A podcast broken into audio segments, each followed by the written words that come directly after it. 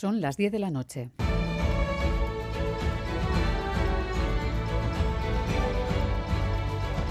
Radio Euskadi y Radio Vitoria. Servicios informativos.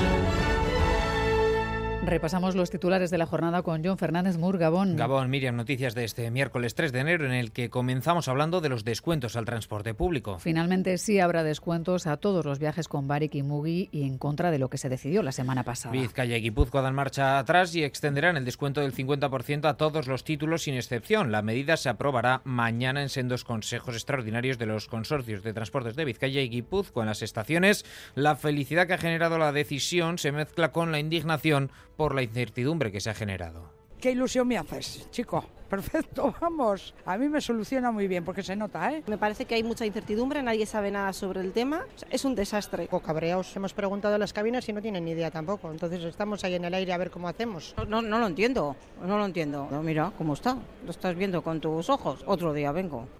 Eso sí, de momento ya está previsiblemente la segunda quincena de febrero habrá que seguir pagando el billete completo. Porque hay varios trámites burocráticos que se deben cumplimentar. Antes, una vez en vigor, los descuentos del 50% durarán todo un año natural. Por tanto, durante algo más de un mes, en Guipúzcoa, los que tienen la MUGI anónima y en Vizcaya, por ejemplo, los viajeros de Vizcaibus pagarán el 100% del coste del billete. En el caso de Metro Bilbao, la subvención del 50% actual se mantiene hasta el 13 de enero a partir del día 14 y hasta que entre en vigor la nueva medida se abonará el precio completo del billete. La circulación de la gripe en Euskadi sigue al alza. Seguimos sin alcanzar el pico. Según los últimos datos de Osakideza, sigue en aumento la circulación del virus de la gripe y también de la COVID. Eso sí, están descendiendo de manera sustancial los casos del VRS, causante de la bronquiolitis. Los casos de infecciones respiratorias agudas graves, los que requieren de ingreso en hospital, han aumentado respecto a la semana pasada, situándose en 29 casos por 100.000 habitantes. Euskadi ha cerrado 2023 con menos parados y con más de un millón de cotizantes a la seguridad social. El año pasado se superó esa barrera del millón por primera vez y el desempleo bajó un 2,7% respecto a 2022, mientras en Vizcaya y en Guipúzcoa el paro descendió, en Álava creció muy ligeramente y se constata también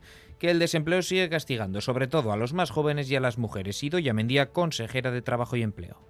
2023 ha sido el año en el que superamos la barrera que parecía inquebrantable del millón de personas afiliadas a la Seguridad Social. El año 2024 debe ser el año en el que apuntalar esa nueva fase económica con políticas públicas innovadoras, porque ha sido un éxito y deben serlo también para seguir reduciendo la parcialidad y la temporalidad para los sindicatos esa lectura triunfalista es incorrecta. Iñaki Zabaleta, Garbiña Aramburulab con la contratación temporal, la precariedad laboral, de subida de precios y de subida de los precios de la vivienda, la clase trabajadora está en una situación en la que es necesario organizarse y movilizarse en contra del empobrecimiento. Langilek ulertu dutelako antolakuntza eta borroka direla bide bakarra bereien eskubideen defentsarako. Para comisiones y UGT, la reforma laboral ha corregido el exceso de temporalidad, aunque aún hay margen de mejora.